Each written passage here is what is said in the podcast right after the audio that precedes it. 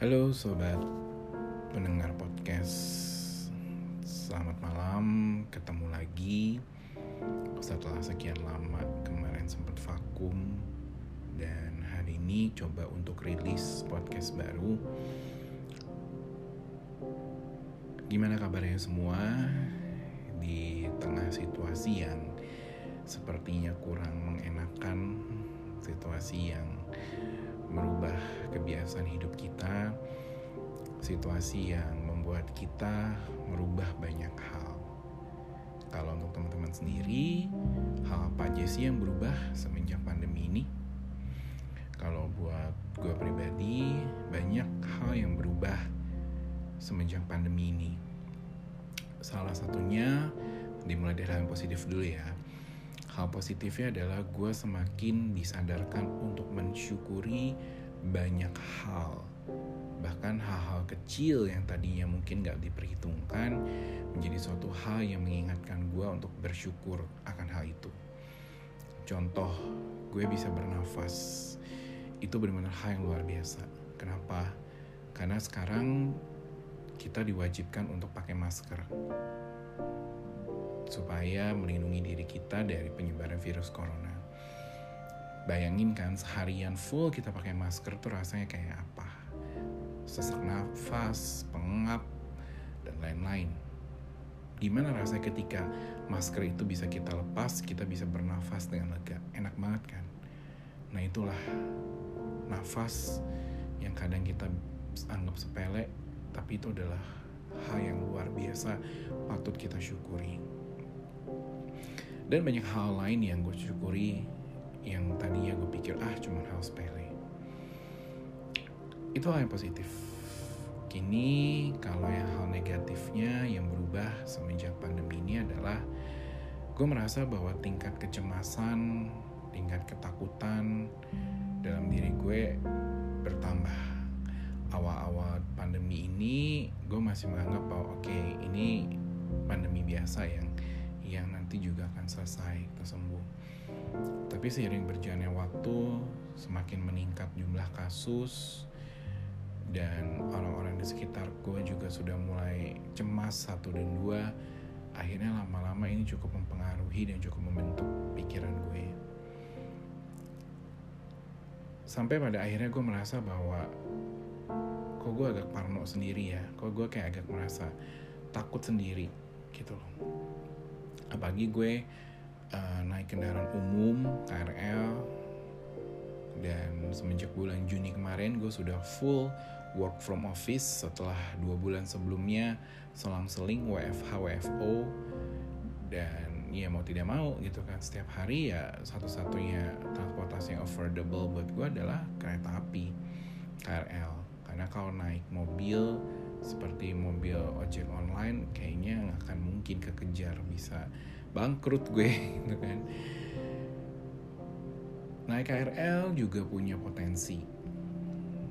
Banyak yang berpendapat bahwa KRL itu adalah media penyebaran virus corona yang paling ampuh.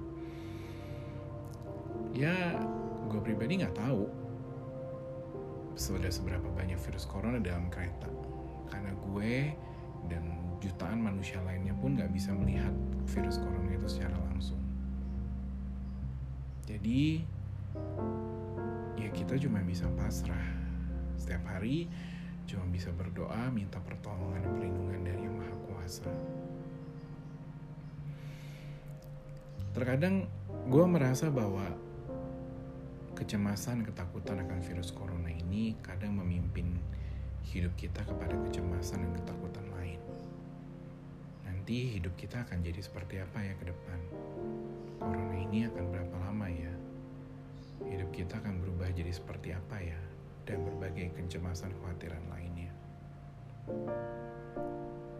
Apa yang gue alamin mungkin juga dialami oleh jutaan orang lainnya di dunia ini. Apa yang gue takutkan juga dialami oleh jutaan orang lainnya di dunia ini. Pada akhirnya gue menyadari bahwa kita ini manusia yang punya keterbatasan. Dan di mana keterbatasan kita itu berada, kita cuma bisa pasrah dan berserah. Kenapa? Karena kita memang udah gak bisa. Saat gue ngerekam podcast ini, gue sedang diliputi oleh perasaan takut, khawatir, takut kalau orang rumah sakit, takut kalau nyokap nggak bisa tidur, takut kalau nyokap bilang gak enak badan, takut kalau tiba-tiba nyokap bilang gak nafsu makan, dan lain sebagainya. Jujur gue takut setelah tahun akhir tahun lalu gue kehilangan bokap, perasaan ketakutan kan nyokap tuh lebih lebih meningkat. Ketika gue denger, doa yang gak nafsu makan nih, gue udah udah udah cemas duluan. Padahal sebenarnya mungkin karena mami karena nyokap mungkin lagi capek lagi kurang semangat hidup dan lain sebagainya. Itu ketakutan yang yang saat ini sedang membebani gue. Ada juga ketakutan bahwa gue akan kehilangan nyokap. Mungkin manusiawi ya tapi pada akhirnya gue berpikir bahwa hidup dan mati itu bukan di tangan gue. Hidup dan mati itu bukan di tangan kita masing-masing. Hidup dan mati kita di tangan Tuhan. Kalau udah Tuhan berkehendak hidup kita selesai ya dengan cara apa pun. Termasuk juga dengan hidup nyokap gue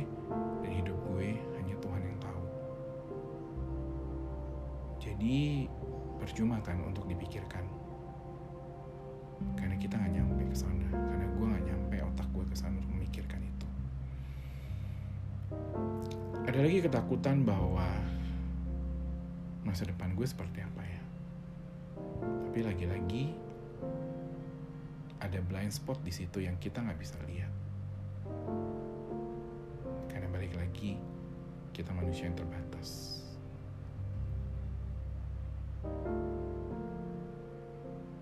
ada keraguan-raguan akan apakah gue akan kena penyakit ini. Tapi balik lagi, mata kita nggak bisa melihat virus itu. Tetapi mulut kita bisa mengucapkan doa, meminta pertolongan yang maha kuasa. Kok kedengarannya rohani banget ya? Awalnya mungkin gue berpikir seperti itu. Tapi gue kemudian menyadari, pada satu titik kelemahan manusia, yaitu saat di mana dia tidak tahu apa yang akan terjadi dengan hidupnya, dia cuma bisa berserah dan bertanya sama Tuhan. Berserah, meminta pertolongan dari Tuhan, dan bertanya akan ke mana jalan hidupku. Gue gak tahu apa akan terjadi hari esok atau beberapa menit ke depan gue nggak tahu kapan pandemi ini akan berakhir.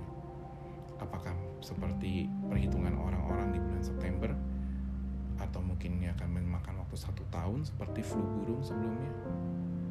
Gue nggak tahu. Semua nggak tahu. Tapi yang gue tahu, kalau gue hidup hari ini, itu semua karena berkatnya. Bukan karena kuatnya gue, bukan karena hebatnya gue, tapi karena Tuhan yang memberikan kita berkah hidup. Jadi, saat kita masih diberikan berkah kehidupan, ada baiknya kita mengucap syukur kepada Sang Pemberi hidup. Karena hakikatnya, kita manusia lemah. Dan ketika Tuhan memberikan hidup, nikmati hidup itu dengan batasan yang wajar, dan buatlah hidup itu berarti. Semoga kita bisa menjalani hidup kita masing-masing di tengah situasi yang tidak mengenakan ini, tetap dengan hati yang gembira, tetap dengan optimisme bahwa ada tangan Tuhan yang selalu menyertai. Dan hidup mati kita semua sudah digariskan oleh yang kuasa.